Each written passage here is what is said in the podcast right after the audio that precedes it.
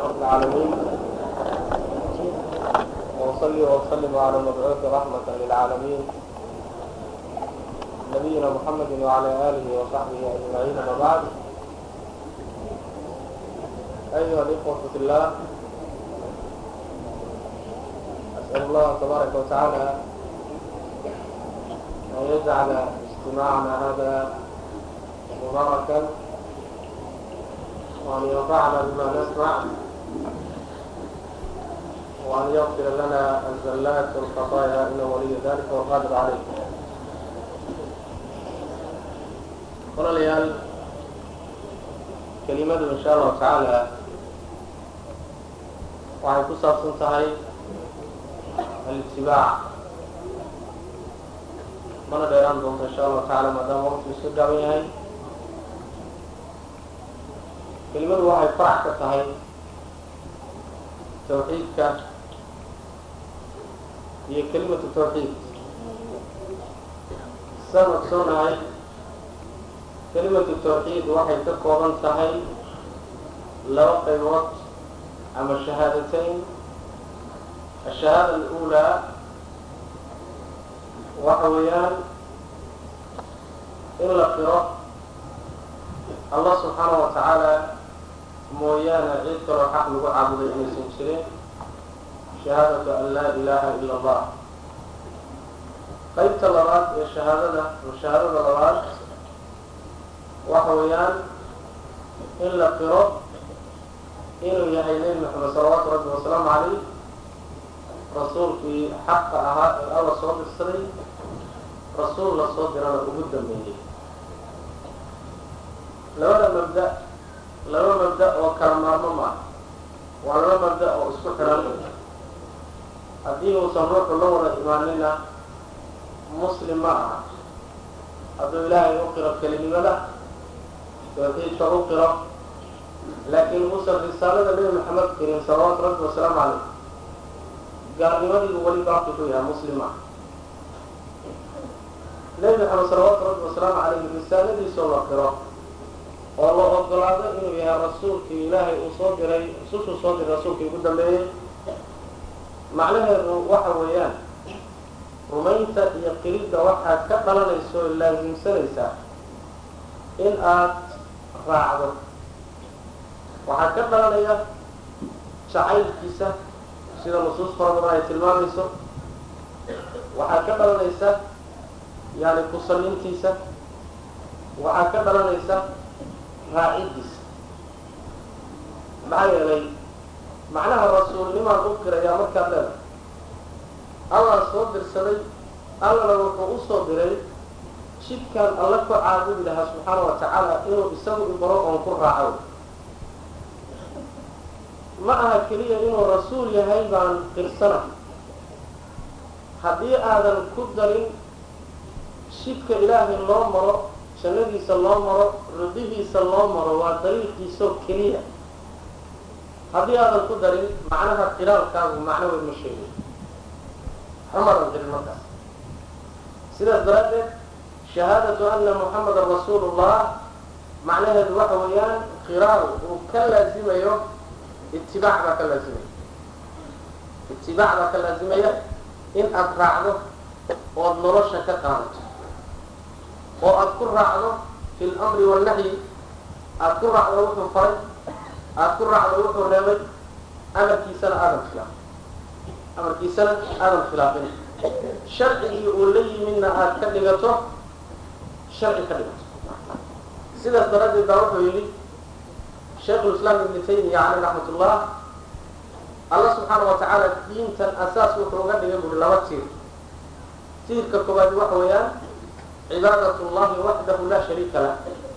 Alle keligii in la caabudo cibaadadiisana aan waxba loola wadaajinin qodob qodobka labaadna waxa weeye an laa yucbad ila bima sharac wuxuu jideeyey waxaan ahayn inaan alle lagu caabudo subxana wa tacaala. Ta koowaad waa tawxiidkii ta labaadna waa qiraalkii risaalada. Oo macnaheedu waxa weeyaan allah qaabka aad u caabudayso iyo jidka aada u marayso waa dariiqii nebi maxamed jideeyey salawaatu rabbi wasalaamu caleyh wabittaali waajibkeenu waa waajibu litibaac ibtidaac maaha ibtidaac ma aha. Halkaasay masaladu sal ku leedahay oo qiraalka aada nebi maxamed risaaladiisa qirtada iyo rasuulnimadiisa waxaa kugu laazimaya hadday runkaa tahay inaad raacdo. Qur'aanka ilahi subxana wa tacala waa ku sheegay qul in kuntum tuxibuuna allaha fattabicuunii yuxbibkum allah waxaad ku tidhaahdaa baa laga nebi maxamedow salawaatu rabbi wasalaamu caleyh haddaad alla jeceshihiin oo jacaylka alle ayd jeceshihiin ad sheeganaysaan hadduu dhab yahay oo daacad idinka yahay iraaca kule iraaca jidkayga raaca allah baa idin jeclaanaya dunuubtiinana waa dhaafaya xasan albasri imaamkii taabiciga ahay jaliilka ah baa wuxuu yidhi dad baa waxay sheegteen inay ilaahay jecel yihiin faibtalaahum allahu tabaaraka wa tacala bi hadihi alaaya. Ilahay baa aayadda ku imtixaanaya ilan sheegashada bini aadamku dhammaantii qaabka wax loo sheegto wuu wada yaqaanaa. Sheegashada dadku waa wada yaqaanaa.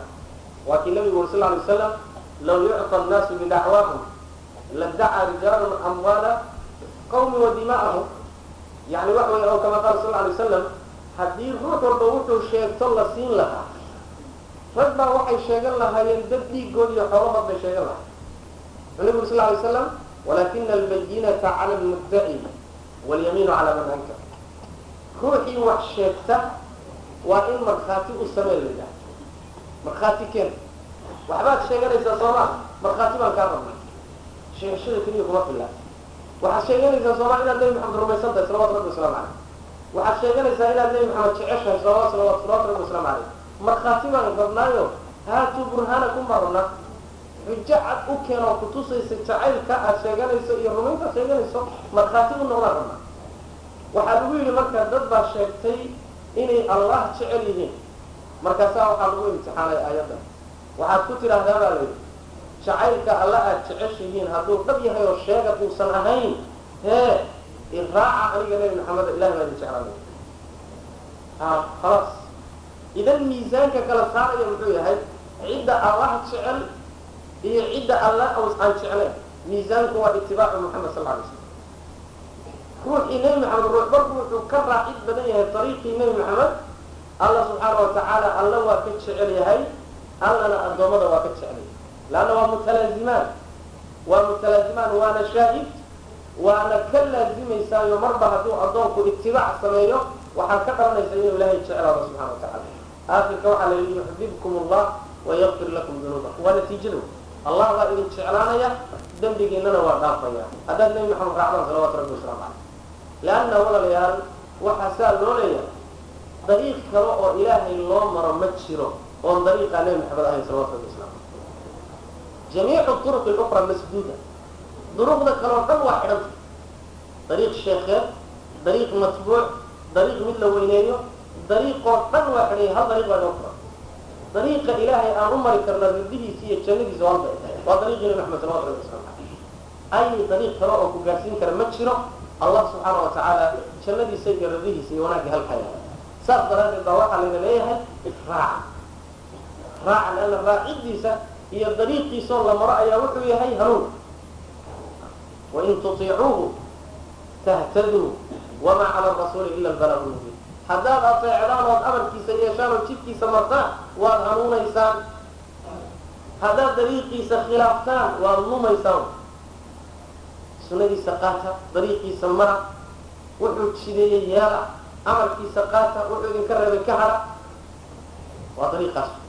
Lianna nabigeena salawatu rabbi wasalaamu alay slam ogsoonahay walaalayaal isaga noloshiisoo dhan hadalkiisa ficilkiisa dhaqankiisa waxa agtiisa lagu sameeyey uusan ka hadlin oo ka aamusay oo sunnadu ka kooban tahay intuba waxay sharax u ahayd qur'aankay sharax u ahayd kaftan iyo dhabtoona nebigu been ma sheegi jirin mana khaldan jirto.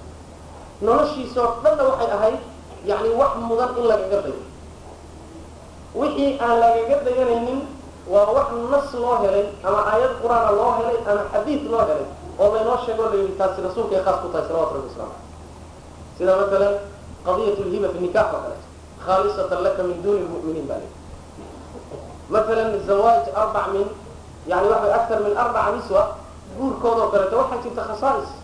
Waxa la yidhahda khasaa'is rasuul baa jira. Laakiin wixii khasiiso ah oo nebiga gooni ku ah waa in nas loo helo. Saas daraaddeed baa waxaa ka mid a qawaacidda culimadu isku waafaqsan yihiin laa tahbutu alkhusuusiyatu ila bidaliil bimacnaa waxa weeyaan asal waxaa u ah nebiga hadalkiisa ficilkiisa iyo dhaqankiisa ta'asi iyo kudayasha asal asal waxaa u ah inuu ummadda u jidaynayo asal waxaa u ah in lagu raaco. Wixii aan yani waxa weeye lagu raacin inuu rabbi ku talagalay inay khaas u noqoto waa in daliil aan u helno inuu odhanaya nebigay khaas u tahay salawatu rabbi wasalaamu caleyh macnaheedu marka waxa weeye noloshiisii oo dhan baa dayasho mudan. Walakum fii rasuuli illah uswatun xasana rasuul ilaahay dayashaa idinku sugan.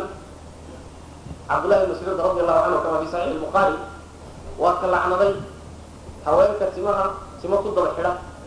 Haweenka ciridkooda macnaha waxa weeyaan durduro oo qurqurxiya oo naashnaasha yani waxa weye wax ku tallaala washiga iyo yani waxa weeyaan dumarka masalan waxa weeye timahooda xidhiidhiya dumarka yani qora ilkaha qora dumarka masalan jibaha korkooda yani timaha ka koreeya indhaha qoro oo hagaajiya markaasi haweeney waxay ku tiri maxaad u lacnadaysa? Cabdullahi maxaad u lacnadaysaa tiri dumar markaasaa wuxuu yihi wa kayfa laa alcan man lacanahu allahu tabaaraka wa tacala cid ilaahay lacnaday anugu maxaan u lacnadi markaasaa waxay tiri ilaahay baan ku dhaartay kitaabka qur'aanka ah min dafa ilaa dafa kulligii waan akriyay meel lagu lacnadayna ma aragay markaasu wuxuu ku yidhi in kunti qara'tiihi. Haddaabad qur'aanka saad sheegaysa wada akriday waad aragtay way yaabtay gabadhi qur'aanka waad taqaanaa. Haddana dumarkaan meel lagu lacnadaya ma hayo leehay cabdillahi mascuudna wuxuu leeyahay allah lacnaday markaasaa wuxuu ku yidhi qur'aanka ma ku aragtay laqad kaana lakum fii rasuuli illahi uswatun xasana. Haabit hadi nebi maxamed baa lacnaday buy nebi maxamed baan maqlay isagoo lacnaday allana qur'aanka wuxuu ku yidhi ku dayda. Macnaha allah lacnaday saas daraaddeed ciddii rasuulka ateecda allah buu ateeca cidduu alla la rasuulku lacnaday allana waa lacnaday macnaa waxa weeyaan axkaamta rasuulka salawaatu rabbi wasalaamu caleyh afcaashiisa iyo aqwaashiisu waxay sharax u tahay qur'aanka sharax u tahay. Ama si tafsiiriyay ugu tahay ama si ijmaaliya qur'aanka sharax u tahay. Cabdullahi bni camr bni caas wuxuu ahaa saxaabada nebiga wax ka qora salawaatu rabbi wasalamu caleyh waxyay ka qora wax alla wixii rasuulku ku hadlo uu maqlo oo dhan waa qoraya qolaa utimiga waxay ku yidhahdeen war cabdullaahi cabdullahi waad lu go-santaa lu nebigu isagoo kaftamayana wuu hadli marna dhab buu u hadli yani marna waa kaftamaya adiga wax kastaba iska qoraysaa lu nebigu u yimi salawatu rabbi wasalam wuxuu ku rasuul ilaahayo sidaa ay haysataa nebigu wuxuu ku yuri sal lay slam uktub qor buu yidhi wax alla wixii ka soo dhaca ilaahayga naftiisu naftaydu gacantiisa ku jirtaan ku dhaartay afkayga waxaan xaq ahayn ka soo bixi maayo saas laa fi xaalati lmisaax walaa fi xaalati ljid marnaba nebi maxamed salawatu rabbi wasalam wax xaqan ka bixi maayo ficlan xaq ahaynna ku bixi maayo wamaa yantiqu cani ilhawa in huwa ilaa waxyu yuuxaa iskama hadlo iskama hadlo sidii rabto naftiisa iyo hawadiisa kama hadlo wuxuu u hadlaya waa waxyi rabbigii baa amray subxaana wa tacaala rabbigii baa jecel rabbigii baa sidan raba rabbigii baa subxaana wa tacala qaabkaasi amraya saasuu nebigu ku hadlaya salawatu rabbi wasalam hadday dhacdo ma marka qaarkood inuu nebigu intuu tilaabo ku ijtihaado ijtihaadkaasina uusan saxsanayn markaaba waxyi baa imaanayo saxay. Markaaba iyadoon la daahin baa waxyigu soo degaya oo la leeyahay sidaasi ma saxsanayna bedel. Lama daynay leanna rabbigiina wuxuu ku talagalay subxaana wa tacaala nebi maxamed salawatu rabbi wasalamu aleyh noloshiisao dhan inay dayasho noqoto noloshiisao dhan inay ummaddu raacdo ooy ku dayato oy macnaa waxa way ka shucol qaadato oo ay raacdo ayuu ugu talagalay. Saas daraaddeed buu nabigeenu salawatu rabbi wasalaamu caleyh in badan ina amray. Sunnada inaa ku dhigto sunnada dariiqa intaad haysataan lumi maysaan intaad dariiqii nebi maxamed weynaynaysaan ood sunnadiisa weynaynaysaan ood aqwaashiisa weynaynaysaan ood afcaashiisa weynaynaysaan oy hadallada kale iyo dhaqamada kale idinkala qiimo badan tahay marna lumi maysaan laakiin maalintaad lumaysaani waxa weye markii nebi maxamed baa yidhi iyo sheekh hebel baa yidhi isku mid inin noqo nebi maxamed baa yidhi madaxweyne hebel baa yidhi hogaamiye hebel baa yidhi markay isku mid idin noqoto maalinkaasad halaagsanta saas macana ummaddu qalbigeeda waa inuu rasuulku ku wen yahay salawatu rabbi waslamu caleyh jacaylkiisu waa inuu ku wen yahay taasaana keenaysa inay hadalladiisuna hadallada uga duwanaadaan. Dhaqankiisuna dhaqanka uga duwanaado markii la yidhahdo qaala rasuulullah oy maqlaanna dhammaantood inay dhegta u taagaan laakiin haddii la yidhahdo qaala sheekh fulan iyo qaala fulan iyo qaala fulan iyo in shaau istamacuu wa in shaau laa yastamicuun laakiin haddii la yidhahdo qaala rasuulullah wahakada kana asxaabu rasulilah sal lay slam nebi maxamed baa yidhi hadday maqlaan. Allah baa yidhi hadday maqlaan. Waa markaasi waxa way qasab weyn la leanna waxa weeyaan waxay og yihiin waxyi baa socda. Waxyi baa socda. Waxaa loo baahan yahay marka walaalayaal in aan mas'alat litibaac ku dadaalo masalat litibaac khaasatan nabigeenu salawaatu rabbi wasalaamu caleyh wuxuu inoo sheegay ummadda aakhirkeeda waxyaalo fara badan inay soo kordhi doonaan oo aan diintii nebi maxamed ka mid ahayn dadkana diin loogu ekeysiin xadiiskii cirbaad ibnu saariya oo la garanaysaane caanka ah buu nabigu sal alay wasalam saxaabada waa kawaaniyey waana aada u xeel dheer oo quluubtoodu yani waxa way quluubtoodu la gilgilatoo la cabsatay indhahooduna la ilmeeyeen markaasaa waxay yihi rasuul ilaahi ow kaanaha mawcidatu muwadicin fa awsina.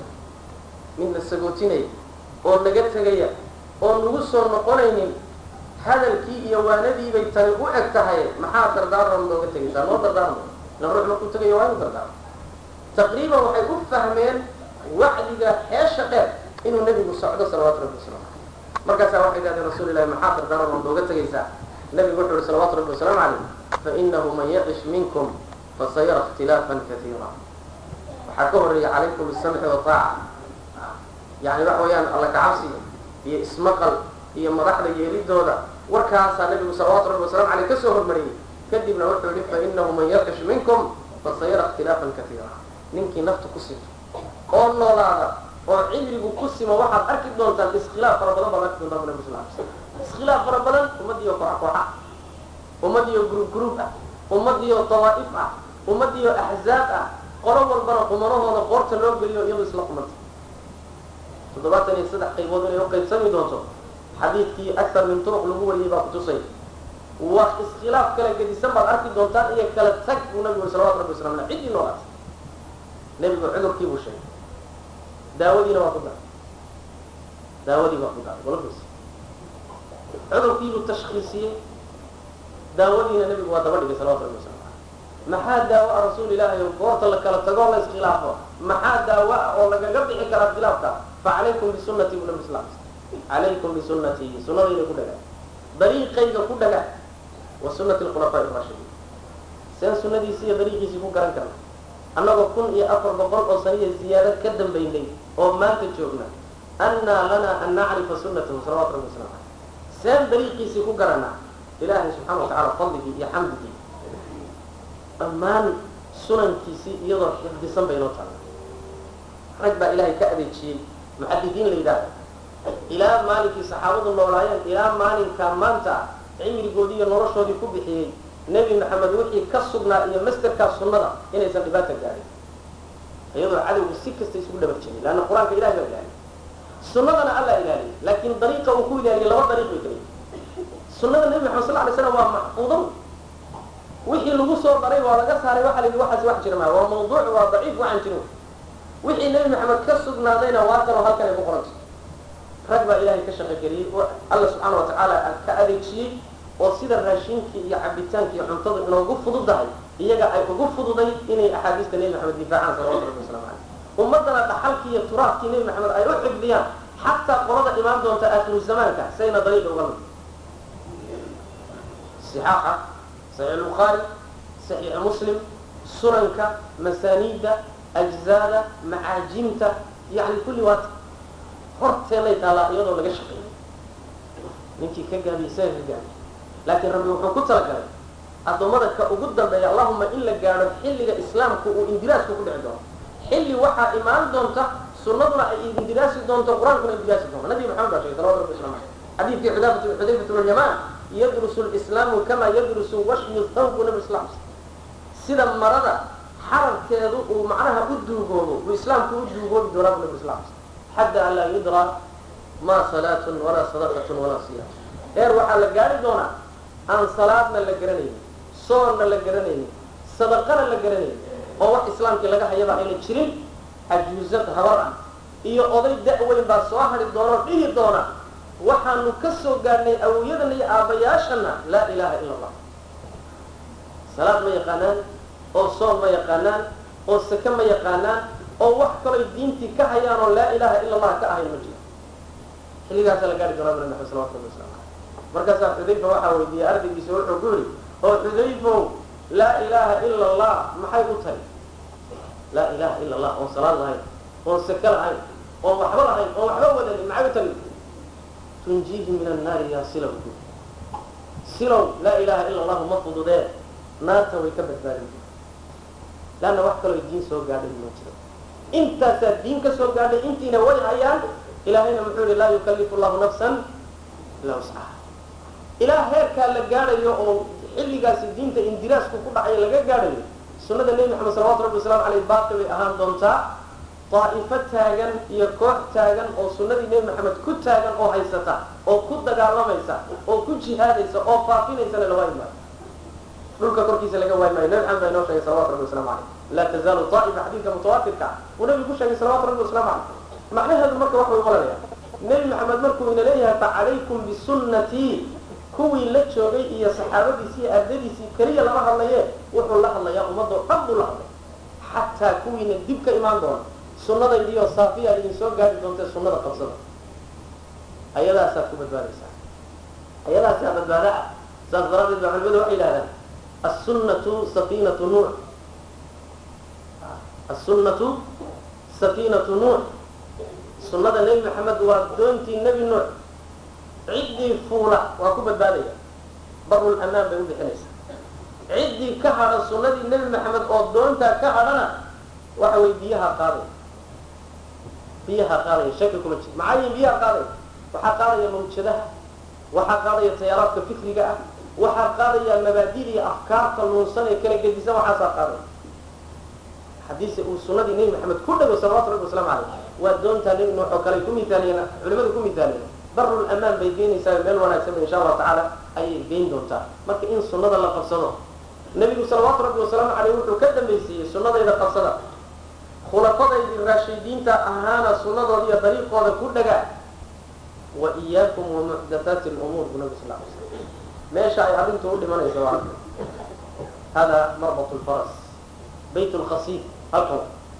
Bayt lkhasiid waa halkan iska jira buu nabigu uri salawatu rabbi waslamu caleyh idinka iyo waxaan idin kala digayaa muxdathaatu lumuuri arrimaha kuwooda dib laga keeni doono ee diin la idinka dhigi doono hadalkaa markuu nebi maxamed leeyahay salawatu rabbi waslamu caleyh maalinkaa wixii diin ahaa unbaa maantana diin ah. Maalinkaa waxaan ummadda diin u ahayn diin maalinna u noqon maayo. Maalinkaas ee uu nebigu leeyahay salawatu rabbi waslamu caleyh sunnadayda qabsada bimacnaa diinta uu ka tegayo ummadda uga tegayaa waa diin buuxdoo dhamaystiran. Diin in wax lagu dardaro u baahan maaha. Diin kala dhimanna maaha. Diin meel in laga buuxbuuxiyo laga cubo u baahanna ma aha kulligeed dhismaheedu waa dhamaystiran. Meel wax laga gelgeliyo wadaadda intay dib ka yimaadaan ay yidhahdaan ha bidaca xasanaa jirtay bal halkan aynu kaga buuxina ma jirto weel buuxa. Wixii lagu shubayo waa un daadanaya. Waa buuxdaa alyawma akmaltu lakum diinakum wa atmamtu calaykum nicmati maanta ayaan diintii idin dhamaystiray nicmadaydiina korkiina ku dhamaystiray waa maalintee waa xajat lwadaac waa nebi maxamed taagan banka carafa salawaatu rabbi waslamu caleyh waa salaada casar kadib. Waa sannadkii xajkii ugu dambeeyey nebigu uu xajiyey. Markuu ka laabtay xajkaa isaga siddeetan iyo dhowr beri buu noolaa nebi maxamed salawatu rabbi waslamu caleyh alyawma akmaltu lakum diinakum waa diin buuxdo dhamaystiran uma nin wax ku dara uma baahna. Nin wax ku dara uma baahna. Saas daraaddeed ba alimaam malik imaamu daar ilhijra waxa uu yidhi ruuxii intuu shay istixsaansanoo la qumanaato diintii nebi maxamed ku soo daroo ummadda diin uga dhigaayo wuxuu sheeganayaa laba mid.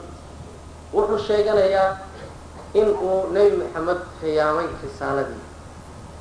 Maxaa yeelay allah hadduu leeyahay diintan waa dhammaystiray adiguna aada leedahay maya waxbaa ka dhiman.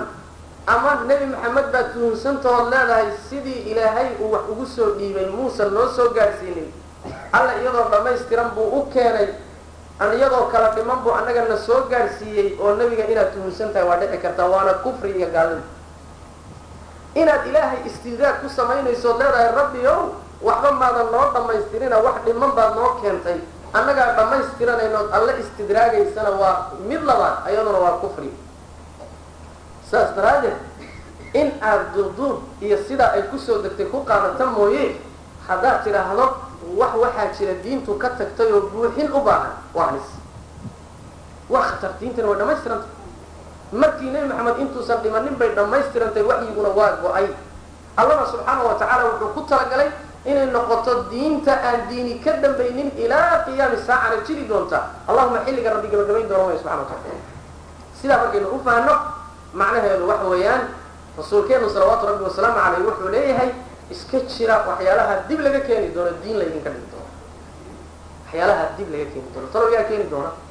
Ma waktigii taabiciinta la keeni doonaa way ma waktigii taabiciinta xilligii ka dambeeyey baa la keeni doonaa. Waa la bidac waktigaa soo baxay baa jira ma waktiyada ka dambeeya imaan doonta ma waktigeennana lagu soo biirin doonaa. Ma dib baa laga keeni doonaa. Adiga waktiga muhiimadaadu ma ah laakiin muhiimadaadu waxa weeye miisaanku war nebi maxamed waktigiisii ma jiray waxani salawatu rabbi waslamu aleyh hadday jawaabtu noqoto maya hadda maxaa laga digaya waxaa laga digaya sotaa uma jaa waad garatay inuusan waxani sunno ahayn. Bidcadii nebi maxamed uu ka digayana inay tahay midna inaad garataan waa laga maarmaan oo aynu fahno waxa weeyaan marka la leeyahay sunnadii nebi maxamed wixii khilaafsani waa khaldan yahay waana bidco. Bidcana waa in la iska jiro waa in la ogaado waxyaalaha dunyawiga ah iyo horumarka adduunyada. Waan u fasaxannahay ijtihaadkeenna iyo caqligeenna iyo dadaalkeenna ayay ku xidhan tahay. Taa laynagama xidhin. Laakiin wixii diina ilaahay loogu dhawaanayo taasi way xidhan tahay meel bay ku xidhan tahay. Nebi maxamed baa af jaray oo xidhay adduunyo soo ma ah antum aclamu biumuuri dunyaakum sida nebigu salawatu rabbi waslamu caleyh waxaa dhacday maalin maalmaha ka mid a inuu nebigu sal lay slam beerihii soo maray beerihii timirta ahaa oo ay yani waxa weeyaan abuurdhab ku samaynayaan yani waxa weeyaan geedka labka ah baa ubixiisa inta la soo qaadaa geedka dhadiga ah baa ubixiisa la marmaray lagu siinaya si midhuhu u soo baxaan markaasaa nebigu wuxu uri sal ly wasalam haddaad iska dayn lahaydeen xataa saxi buhaari ku taala haddaad iska dayn lahaydeen xataa midhuhu way soo bixi lahayen geeduhuna way rimi lahaayeen hadalkii nebigay qaateen salawatu rabbi wasalaamu caleyh bacrimintii geedaha laba la iska dhaafay iyagalaa rimi lahay beertii sanadkaa way ba'day beerihii waa be-een markaasaa nabiga loo yimi waa nabi allo beerihii bee taladaadii baanu qaadanay beerihii naga bee. Markaasuu nabigu wuxu uri sal ly slam antum aclamu biumuuri dunyaakum wixii adduunyadiina arrimaheeda idinka u aqoon badan buu nabi uri salawatu rabbi waslamu caleyh beertu say ku baxdaa see loo ganacsadaa sideebaa matala waxa weeye gaadiid soo baxay satalay dib ka yimid yani waxa weeye diyaarad timid waxyaalaha waa waxyaalo dunyawiya lama yidhaahdo diin lama yidhaahdo mana xidhna lianna alslu fi lashyaa alibaaxa alslu fi lcibaadaat altawqiif wاlaslu fi lcaadaat alibaaxa la yidhahdo wixii cibaado ilaahay loogu dhawaanayo asal waxaa u ah inay xidhan tahay.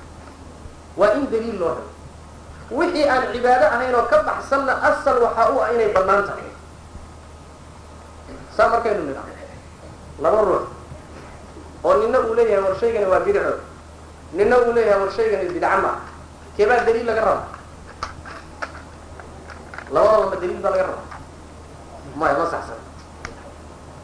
Munaadarada usuululmunaadara waxay keenaysaa asalka ruuxa ku fadhiya isagu asalkiibuu joogaa.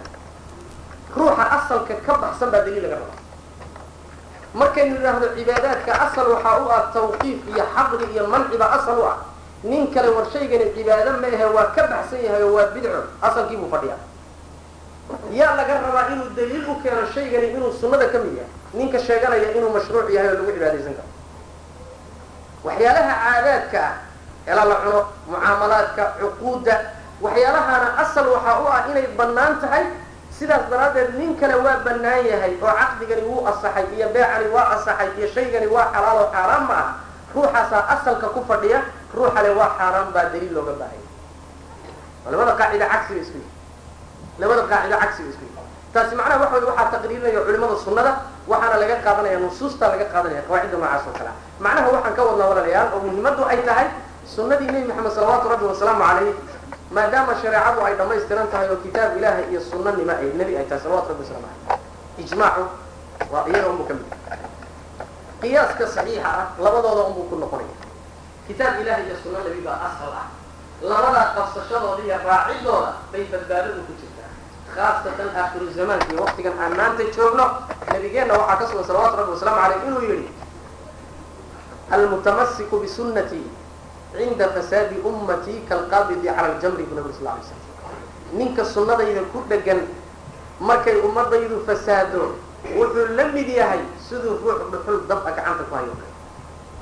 Oo dhuxul dab-a intee baad gacanta ku hayn karta ma fududahay dhuxul daba inaad muddo gacanta ku hayso?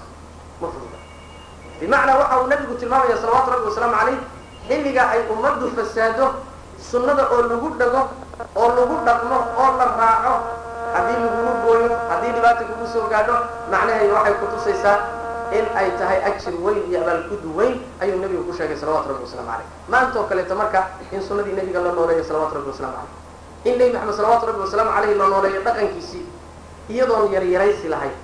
Dadka qaarkiiyo waxaa jira sunnada nebiga sal alay wasalam qaarka fududaysta. Waxay ku leeyihiin maxaa ka macnaa sheekh? Maxaa ka macnaa waa iska sunne. War waa iska sunna ma waa iska sunnaba bimujarad bimujarad aad u qaadata camalka nebi maxamed buu ka sugan yahay. Ajir weyn baa ku jira. Bimujarad aada yasto ama aada xaqirto camal iyo dhaqan iyo mabda' nebi maxamed ka suganna haddaadan kufriyin dembi weyn baad ku jirta. Leanna lama yaso sunnada iyo diintana yasid male markuu nebi maxamed jidaynayo allah baa jidaynayo alla wuxuu jidaynayana adiga qalbigaaga inaad fududaysatood yastood xaqirtahay. Soo halis maa lama yaso lama yaso halisteeday leeda saas daraaddeed baa nabiga salawaatu rabbi wasalamu aleyh hala qaarkooda inaga inala fudfudud. Baa dadka qaarkood waxaa ku soo gaari jiray ciqaab adag baa ku soo gaari jirta ciqaab adag baa ku soo gaari jirta maalintii uxud oo kale matalan uxud asxaabu rasuuli lahi sal lay slam markay dagaalka galeen oo dagaalka qaybtiisii hore gaaladii kaga adkaadeen oo gaaladii la jebiyey oo laga ilhelay. Waa kii nabigu salawaatu rabbi wasalaamu caleyh koox kontomeeye ah oo rumaad ahaa buurtii yarayd korkeeda saaray yidhi halkaa idinku dhabarjabinta naga ilaaliya haddaad aragtaan annagoo haadu hidibka naga cunaysana ha soo dhaqaaqin annagoo inta nalaga adkaaday haadu na cunaysa haddaad aragtaan xataa waa haayo waa haaya halkaa ka soo dhaqaaqin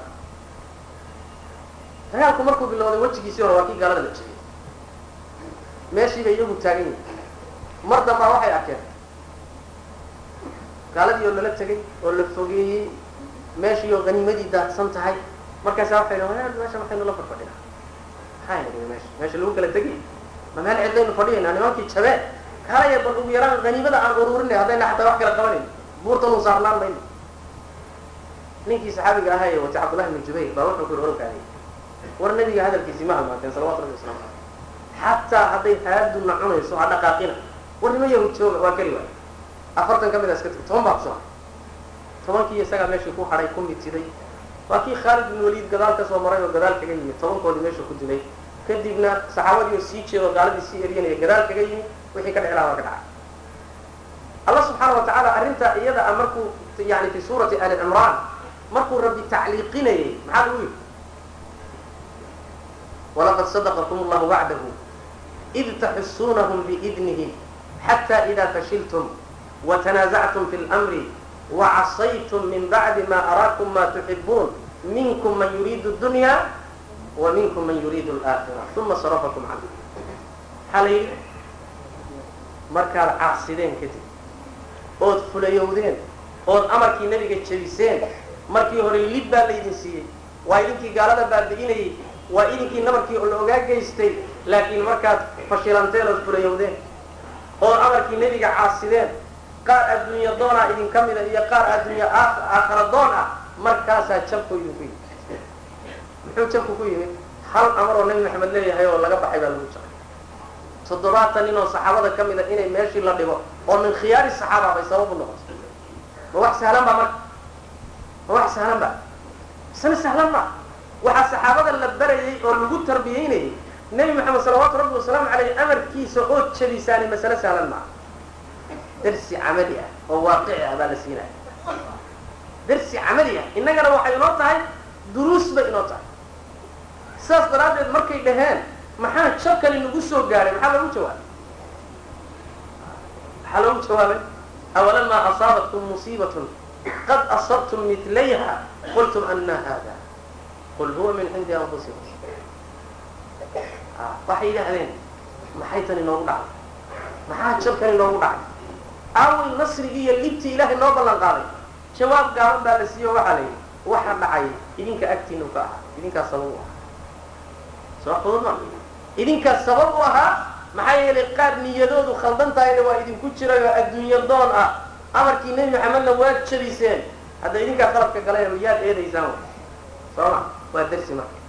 Waa dersi ummadda la siinayo oo la leeyahay markaad sunnada nebi maxamed iyo dariiqiisa ka leexataan oo amarkiisa jabisaan waxaad ku talagelaysaan jab baad ku talagelaysaan fashal baad ku talagelaysaan fududaysi male marka. Dadka marka iska fududaysanaya maxaa